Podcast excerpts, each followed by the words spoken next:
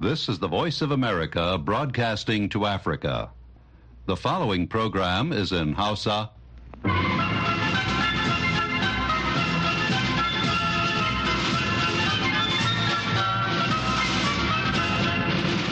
Sashen Hausa na murya Amurka ne ke magana daga nan birnin Washington DC.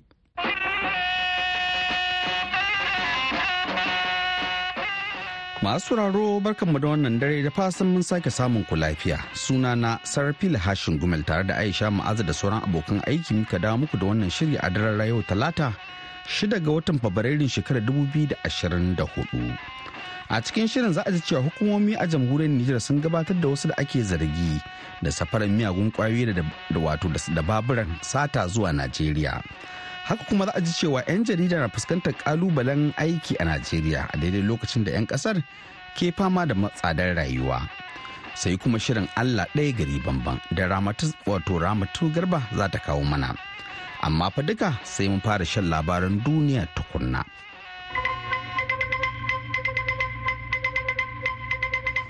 Masu saurari assalamu alaikum barkanku da wannan lokaci. Ga labaran duniya kamar yadda muka same su. A yau talata wata babbar kotun ɗaukaka ƙara ta yanke hukuncin cewa trump ba shi da kariya daga laifukan da ake tuhumar shi da aikatawa kan yunkurinsa na murda zaɓen 2020 da ya sha kaye matakin da ya daɗa matso da trump kusa da tuhumar da ake masa ta aikata babban laifi wanda ba a taɓa yi ba wato wanda ba a taɓa yi wa wani tsohon shugaban ƙasa ba. Wani ayarin masu shari'a a kotun amurka na ɗaukaka ƙara su uku a gundumar columbia circuit ya yi fatali da ikirarin da trump ya yi cewa babu wanda yake da hurumin hukunta shi a game da tuhumar da ake masa da suka shafi ayyukan shi a matsayin shugaban ƙasa. It's the second time in two months judges have rejected the ex-president's immunity arguments. This court took center stage. Wakilin kamfanin dillancin labarai na AP kenan yake cewa wannan shine karo na biyu cikin watanni biyu da alkalai suke watsi da ikirarin da tsohon shugaban na amurka ke yi na cewa yana da rigar kariya kan duk wata tuhuma. Hukuncin da ake kyautata zaton trump zai ɗaukaka ya yi watsi da yunkurin shi na kaucewa fuskantar karar da aka shigar da shi kan yi wa tsarin demokuraɗiyya da miƙa mulki zagon ƙasa.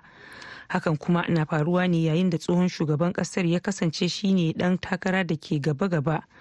A tsakanin masu neman tiketin jam'iyyar republican a zaɓen shugaban kasa da za a yi bana.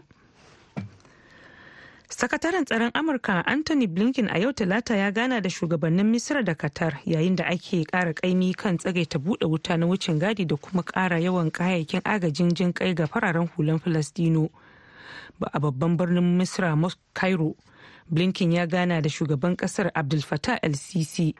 Kana zai karasa doha don ganawa da shugaban ƙasar sheikh tamim bin hamad althani da firaministan qatar muhammad bin abdulrahman althani. Amurka misra da qatar duk sun ba da gudunmawa akan wannan tattaunawar yarjejeniyar wucin gadin wanda ake iya wato wanda ka iya dakatar da fada na tsawon makonni da kuma 'yanta mutanen da hamas take garkuwa da su a gaza. Ayyukan sojojin isra'ila na sama da ƙasa a gaza. Ya kashe sama da fararen hula 'yan filistinu sama da dubu ashirin da bakwai da ɗari biyar tare da jikata mutane dubu sittin da shida da ɗari tara a bisa bayanan ma'aikatar lafiyar da ke ƙarƙashin kulawar hamas. Jerin hare-haren saman amurka na baya-bayan nan a iraki sun auna wuraren da aka alakanta su da maɓoyar ƙungiyar da ke samun goyon bayan iraki. Wacce ta kai wa dakarun amurka hare-hare akalla 170 wanda alamu ke nuna cewa yana daɗa faɗaɗa baraka tsakanin washington da baghdad hare-haren ranar juma'a ya auna wurare uku a iraki da kuma wasu wurare huɗu a siriya sannan ya tarwatsa sama da wurare 80 da aka auna kama daga wuraren da ake ba da umarni da inda ake leƙen asiri da ma'adanan makamai masu cin dogon zango da jirage mara matuƙa bisa binciken da amurka ta gudanar a baya-bayan nan. A jiya litinin pentagon ta ce akwai yiwuwar an kashe ko kuma raunata mambobin ƙungiyar da ba a tantance yawansu ba. Sai dai cire tsammanin mutuwar jami'an iran ko mayaƙan. To ana shan labaran ne daga nan sashen hausa na muryar amurka a birnin washington dc mai kula da dokokin ƙungiyar tarayyar turai na ƙasashen waje joseph borrell ya ce zai tattauna batun baiwa ukraine goyon bayan tallafin soji da kudade a yayin ziyararsa a kiev yau talata. Ziyarar tasa na zuwa kwanaki bayan da eu ta amince da tallafin dala biliyan 54 ga ukraine. Sannan borrell ya ce zai yi amfani da wannan damar ya tattauna akan yin gyararraki a ukraine yayin da ƙasar take ƙoƙarin shiga kawancen eu kazalika yau talata shugaban ƙungiyar da ke bibiyar al'amuran makamashin nukiliya na duniya rafael grossi ya kai ziyara kamfanin samar da makamashin nukiliya da ke zaporizhia. A ƙarshe majalisar ƙasar senegal a jiya litinin ta kada ƙuri'a don jinkirta zaɓen ƙasar yammacin afirka zuwa ranar 15 ga watan disamba wanda aka gudanar cikin wani yanayi cike da rudani bayan da jami'an tsaro suka daƙile wani yunkurin 'yan adawa na dakatar da yin zaɓen sannan suka fitar da mahukuntan da aka alakanta da wannan yunkuri da ƙarfin tsiya daga harabar ginin majalisar. Kazalika a ranar litinin wasu 'yan takara 'yan adawa su biyu sun maka shugaba makisal a kotu domin kalubalantar matakin da ya ɗauka na jinkirta zaɓen ƙasar da ya kamata a yi a ranar 25 ga watan fabrairu. Daga cikin kudurin jinkirta zaɓen da aka gabatar wa majalisar ƙasar wanda ta amince da shi. Sabanin wa'adin sal da zai kare a ranar biyu ga watan afrilu za a kara lokacin wa'adin mulkin shi zuwa lokacin da za a gudanar da zaɓen. A watan yuli sal ya sanar cewa ba zai sake tsayawa takara karo na uku ba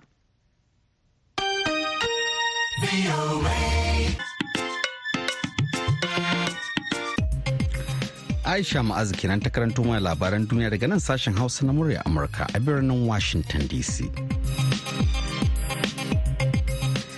Madalla. Rundunar 'yan sanda ta jamhuriyar Nijar da ke kan iyakan Nijar da Najeriya ta tafke waɗansu da ake zargi da sata da kuma safarar miyagun ƙwayoyi da baburan sata zuwa Najeriya domin sayarwa. Kamar yadda za a ji a wannan rahoton da Haruna Mawan Bako ya haɗo mana. Rundunar 'yan sanda ta jamhuriyar Nijar da ke kan iyakan Nijar da Najeriya ce ta gabatar wa manema labarai a hedikwatar 'yan sanda ta garin birnin Kwanni gaban shugaban gundumar birnin Kwanni da sarakunan gargajiya da shugabannin tsaro da mukaddashin babban alkali mai shigar da kara a babbar kotu ta ƙasa ta birnin Kwanni da wani gungun barayi masu satar babura tsakanin ƙasa da ƙasa domin akan saci babura a jamhuriyar Nijar tsallaka da su Najeriya wurin wurin sayarwa.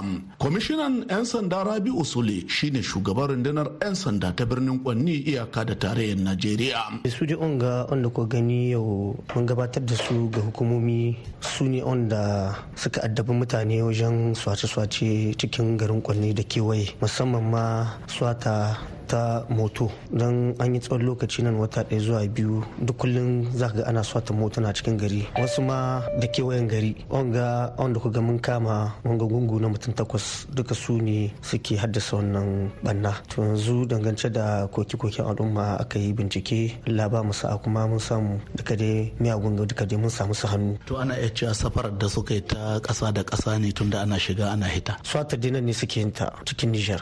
Da nan garin kwanni da tawa. Kowa ya gani abin da suka swata kuma ga abin da aka gani. Amma in za su sai da abin da suka swata sai su ketara su shiga cikin najeriya can ne suke zuwa suna sai da su. A lokacin da ya ɗauki magana kaftan bubakar alishi na shugaban gundumar birnin kwanni a cikin halishin turancin faransa ya yi bayanin bandama wannan nasarar jami'an tsaro na jamhuriyar nijar da ke kan iyakar da najeriya sun yi waɗansu nasarorin kashe 'yan ta'adda a wannan iyakar da ma balle wani gungun masu safarar miyagun ƙwayoyi na ƙasa da ƙasa da cibiyar su ke wani gari a cikin najeriya wannan iyakar. Kamar yadda malam abdullahi ali magatakardan ofishin shugaban gundumar birnin kwanni ya fassara a cikin harshen hausa. Ya ce kwanan baya musamman ma takwas ga watan janvier ya ce jami'an tsaro na octris sun kamo wasu masu hotocin ƙwaya tsakanin ƙasa da ƙasa su biyar ne kuma cikin su akwai mutum uku waɗanda ba 'yan nijar ba waɗanda 'yan najeriya. To waɗannan 'yan ta'adda suna da babban mai gidansu yana amarawa cikin nigeria. Wannan baya fatu ta gendarmerie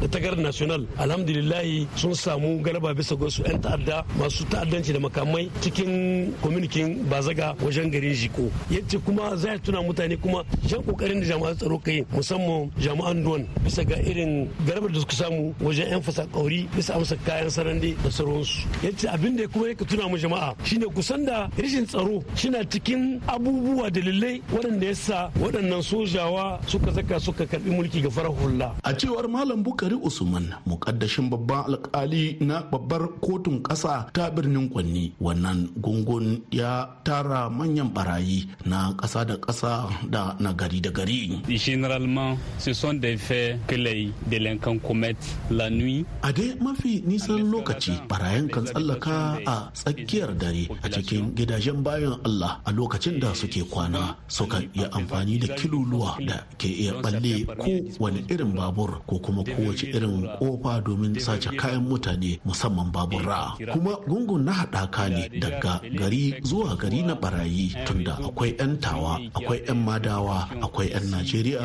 a cikin su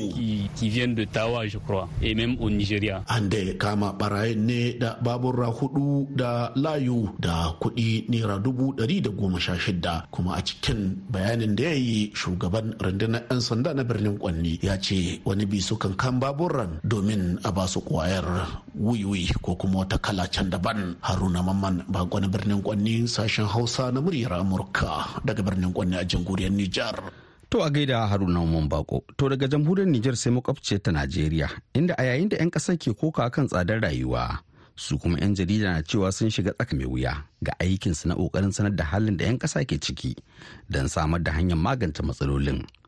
Ga wakilin Mustapha Nasir Batsari da wannan rahoton. A yayin da 'yan Najeriya ke ci gaba da kokawa a kan tsananin tsadar rayuwa a ƙasar, su ma 'yan jaridun Najeriya sun ce suna cikin yanayi na tsaka mai wuya a aikin nasu na ƙoƙarin ankarar da gwamnati halin da 'yan ƙasa ke ciki da kuma hanyoyin da za a shawo kan matsalolin da suka addabi Najeriya. Ko baya ga matsalar tsadar rayuwa a yanzu, ita ma matsalar rashin tsaro da ta'addabi sassan Najeriya na zama ƙalubale ga manema labaran Najeriya, musamman idan aka yi la'akari da irin kikikaka da ake samu a tsakaninsu da hukumomin ƙasar. Wajen samun sahihan bayanai da ya kamata a yi wa al'umma da zai taimaka wajen kwantar da hankalin 'yan ƙasa. A wani babban taron makon 'yan jaridu da ya gudana a jihar Niger, an gabatar da jawabai tare da karawa manema labaran kwarin gwiwa akan aikinsu na taimakawa ƙasa. Comrade Usman Ciji shine sakataren ƙungiyar 'yan jaridu a jihar Niger. Ya ce babban taron ya nuna buƙatar kulawa ta musamman ga 'yan jaridu a Najeriya. Gwamnati ya dinga ba da jami'an tsaro irin support da za su bayar. Aka nan mu ma 'yan jaridu mun san cewa muna ƙoƙari amma akwai abin da ake cewa motivation. In mu 'yan jaridu muna da motivation din na ka gani wurare da ba zato ba za mu shiga. Yana cikin ƙalubale da muke samu. To neman hanyoyin shawo kan matsaloli da suka addabi Najeriya shine ya ɗauki hankalin wasu da daga cikin 'yan jaridu da suka halarci taron.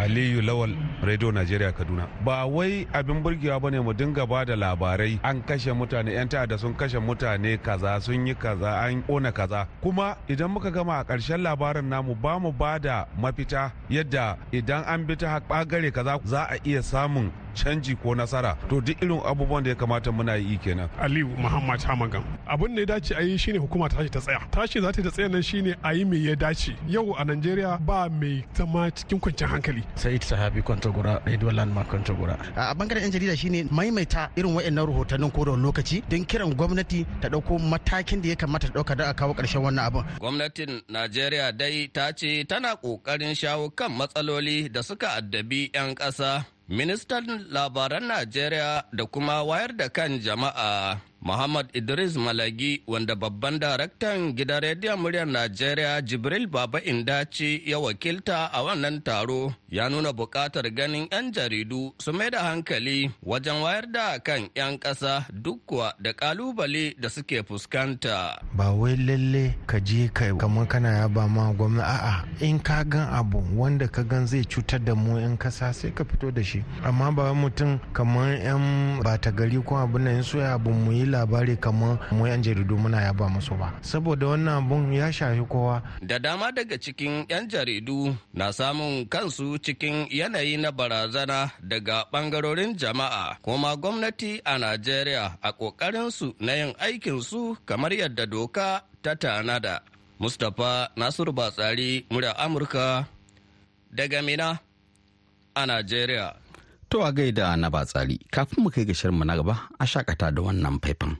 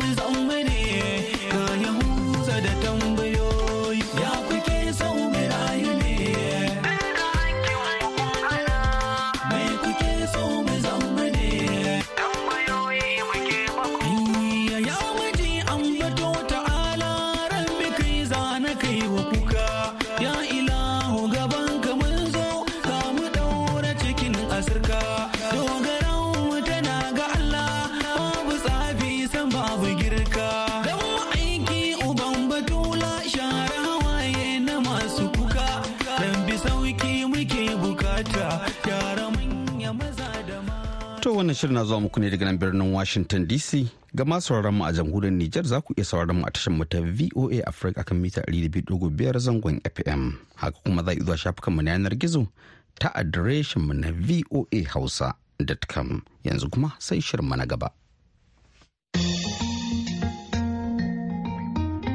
Wani gari wani gari wani garin da ake kurba manja da zalla. Jama'a masu sauraron mu Assalamu alaikum barkanmu da warhaka da kuma sake kasancewa da ku a cikin shirinmu na Allah ɗaya gari bamban. Shirin da ke kewaya da mu sassan duniya don kawo muku labarai da suka shafi rayuwar 'yan Afirka da wasu al'adu da ke cin karo da namu na mutan Afirka.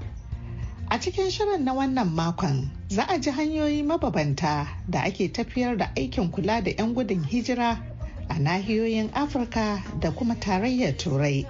yadda muke ma idan an fita an je an yi faskare sannan ka samu abin da zaka ci zaka sha.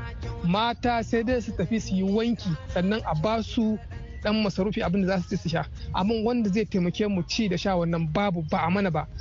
Wallahi nema ne kawo mu sudan kuma ga abubuwan da matsala da ta same mu a cikin sudan ɗin nan wallahi to mun zo mun zauna nan adare ba wani tallafi da muke samu To waɗanda kuka ji muryoyinsu dai wasu 'yan Najeriya ne da ke gudun hijira a ƙasar Chadi bayan da suka tserewa rikicin ƙasar Sudan. To idan muka waiwaya ƙasar Italiya da ke nahiyar Turai kuwa bacin dai an zo an karɓe ku za a ce to za a fara duba ƙananan yara mara lafiya sannan aka gama za a ce akwai mara lafiya a cikin ku babu washe gari idan aka zo aka ƙirga ku za a kawo muku abinci bacin an kawo muku abinci za a kawo muku kayan sawa sababbi wanda za ku sa a jikinku. To shirin na wannan makon ya ji ne daga bakin 'yan gudun hijira waɗanda dalilai mababanta suka tilasta musu barin kasashensu na asali a cikin shirin na Allah ɗaya gari bamban tare da ni Ramatu Garba Baba. Bai kai arewa hali ba. Wani garin da ake kurba man gyaɗa zalla. To a shekarar 2023 da ta gabata, dubban 'yan gudun hijira daga Afirka ne suka yi nasarar shiga turai ta tsibirin Lamfadusa. Ni sunana Abbas Rabiu Muhammad. Na fito daga unguwar Badawa Galadima layin Malam Fari a jihar Kano. Yanzu ina zama a nan ƙasar Faransa. Kamar dai yadda mutane suka sani kowa akwai yanayin yadda yake zuwa turai wasu suna zuwa ta sama wasu suna zuwa ta ruwa to kamar mu da muka yi mun yi ƙoƙari mu zo ta saman allah bai yi ba shine sai muka tafi muka biyo ta ruwa wani al'amari ne na ubangiji wanda dama ne har ga Allah. Kullum burina shine Allah ya kawo ni turai duk lokacin da na yi sallah ko kamsu salawat ko wata irin sallah ce ina addu'a ubangiji Allah ya kawo ni turai saboda gaskiya har ga Allah. Rayuwa tana turai to wannan shine ubangiji ya cika min burina kamar yadda mutane wasu in ba su kuɗi ta sama za su yi min wannan in bashi wannan ya ci min kuɗi da na ga abin ya ci ya ƙi cinyewa na ce to shikenan bari in samu in shigo tunusiya daga tunusiya allah ya sa kuma na shigo na biyu ruwa na taho To tsarin kula da 'yan gudun hijira a ƙasashen turai dai ya hada da karɓar bakin hannu bibbiyu tare da tanadar musu duk abubuwan da suke buƙata nan take. Da aka ajiye mu aka zo aka karkasa mu aka ajiye mu ni inda aka kai mu wani gari ne ana kiran shi kusa da akuna a italy. Muka zo gari ya waye aka kira mu aka ba mu abinci aka ba mu kayan sawa aka ba mu canvas aka ba mu komai aka ba mu daman ga ɗaki ba a magana gurin da zaka kwanta aka ba mu to aka ɗau sunan mu muka zama members na cikin camp zaman kam alhamdulillah abinci sai ka bari ko wata ran dabar kuma abinci ne wanda akwai kaji akwai kifi akwai menene. Wata ran sai na zubar ma da abinci tunda kin san na zo da yunwa. A italy ana ba da euro saba'in a faransa kuma ana ba da euro 200 idan an baka idan ba a baka gida ba za a baka euro 440 duk wata. Wannan euro ɗari hudun nan idan za ka kwatanta da naira gaskiya sai ka samu kusan naira dubu ɗari shida da wani abu ko fima a kuma wanda ake bayarwa a italy in ka kwatanta shi dole zai kai ma kamar naira dubu ɗari duk wata da wani abu. To bayan dai barinsa tsibirin lampedusa abbas ya yi ƙoƙari ya tsallaka zuwa ƙasar faransa. Bature bature bature. To allah ya saka mai da alkhairi. Ina zaune sai suka kira ni. Da hanna ce ma badan je ba. Da yake ba na jin yare sosai. Sai na ji kamar magana kuɗi ake sai na ce a ni yanzu fa in dai za a dinga taɓa min wannan kuɗin na ɗari huɗu akan wani ya bani gida to ni ba zan je ba. Yawa ina zuwa gidan ni kuma sai na ce musu ni dan bal ne ina yin bal. Suka ce a lokacin ta fito da littafi a gurinta ta shiga website na kwace-kwace haka ta dinga fitowa tana bincikawa. Kawai sai ta kira wani coach. Kawai coach ya ce zai zo gobe har gida ya ba mu rendezvous kawai sai washe gari kawai sai ga coach in nan ya zo. Yana zuwa sai ya ce min to kenan in shirya ranar juma'a za mu je ni training a gani. Na ce mai to ina zuwa ranar juma'a ya ɗauke ni muka je muka yi training. Yana kai ne ina training a suka gani suka ce a to kenan babu komai. Washe gari ya ƙara zuwa ya ga takarduna ya komai da komai. Ya ce ok to kenan babu komai ranar asabar. Ana son za a yi min rijista na league bukatun da sunan suna buga national league 3 suke bugawa d kamar irin amaciwo ta najeriya. Kawai ina zuwa sai muka tafi aka mu medical check-up aka yayi wasa. Yanzu ranar lahadi in allah yadda muna da league match ina cikin waɗanda za su buga. To wannan wani abu ne na a ce a gode wa Allah ko da ma ba za su biya ni ba. Wannan ne abin jin daɗi ne a guri na balle tun da za su dinga biya na tun da in baka da takarda a nan turai baka iya komai. Burina shine in Allah ya yarda burina buga Champions League Europe shine babban burina. To kawo yanzu dai ƙungiyar tarayyar turai ta ci gaba da fafutukar ganin ta daƙi da matsalar kwararar bakin haure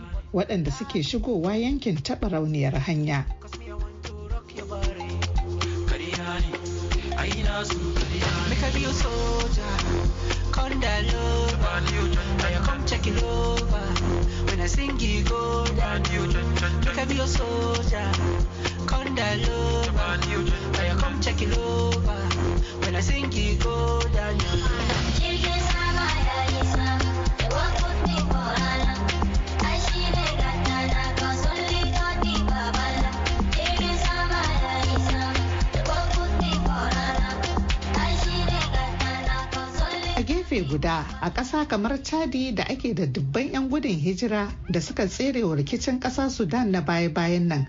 'yan gudun hijirar dai na tserewa sansanin. Ne wanda muka gudun hijira daga sudan zuwa nan adare. Ba wani agaji gaskiya muna cikin wahala. Muna shan wahala sosai ba wani tallafi. Salamu alaikum ni ne alhaji lawali shinkafi local government daga zamfara. Mun yi hijira daga sudan. Mun zo a nan ne a adare. Sannan sarkin adare nan ne a sarkin hausawa na adare. Shi ke dan taimaka mana. Masu faskare suna faskare masu aikin ƙasa suna aikin ƙasa. Ba wani abun da ake ba mu to kuma an ce mu za a wancan rubutu da an ka yi ba a rubuta mu ba. Kuma yanzu gashi an zo muna so a tallafa mana a taimake mu don allah a mai da mu Najeriya. Assalamu alaikum ni ne Ado Ahmadu mazaunin ƙasar Chadi da Sudan. Abubuwa gaba ɗaya caɓe mana wallahi. da Allah muna neman ɗauki a taimaka mana daga nan ko hukumar Najeriya ta taimaka mana da Allah ta kama na agaji. kawo yanzu dai ƙoƙarin da muryar amurka ta shayi na tuntubar gwamnatin najeriya kan bukatun waɗannan 'yan gudun hijirar ya ci tura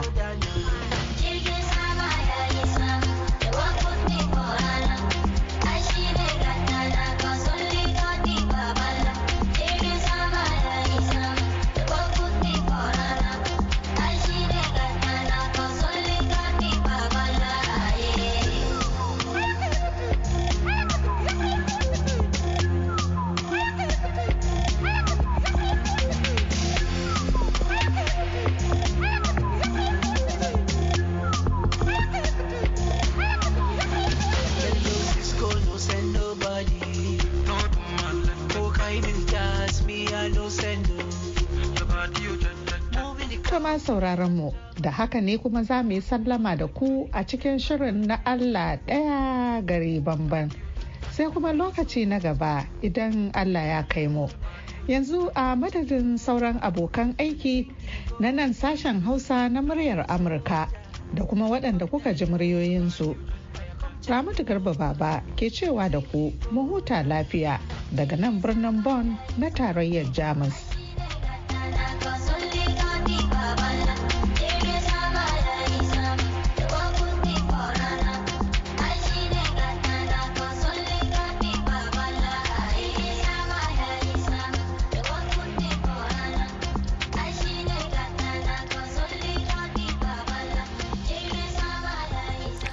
To madalla a gaida ramu ta garba yanzu kuma sai shirinmu na ƙarshe labarai amma fa a takaici.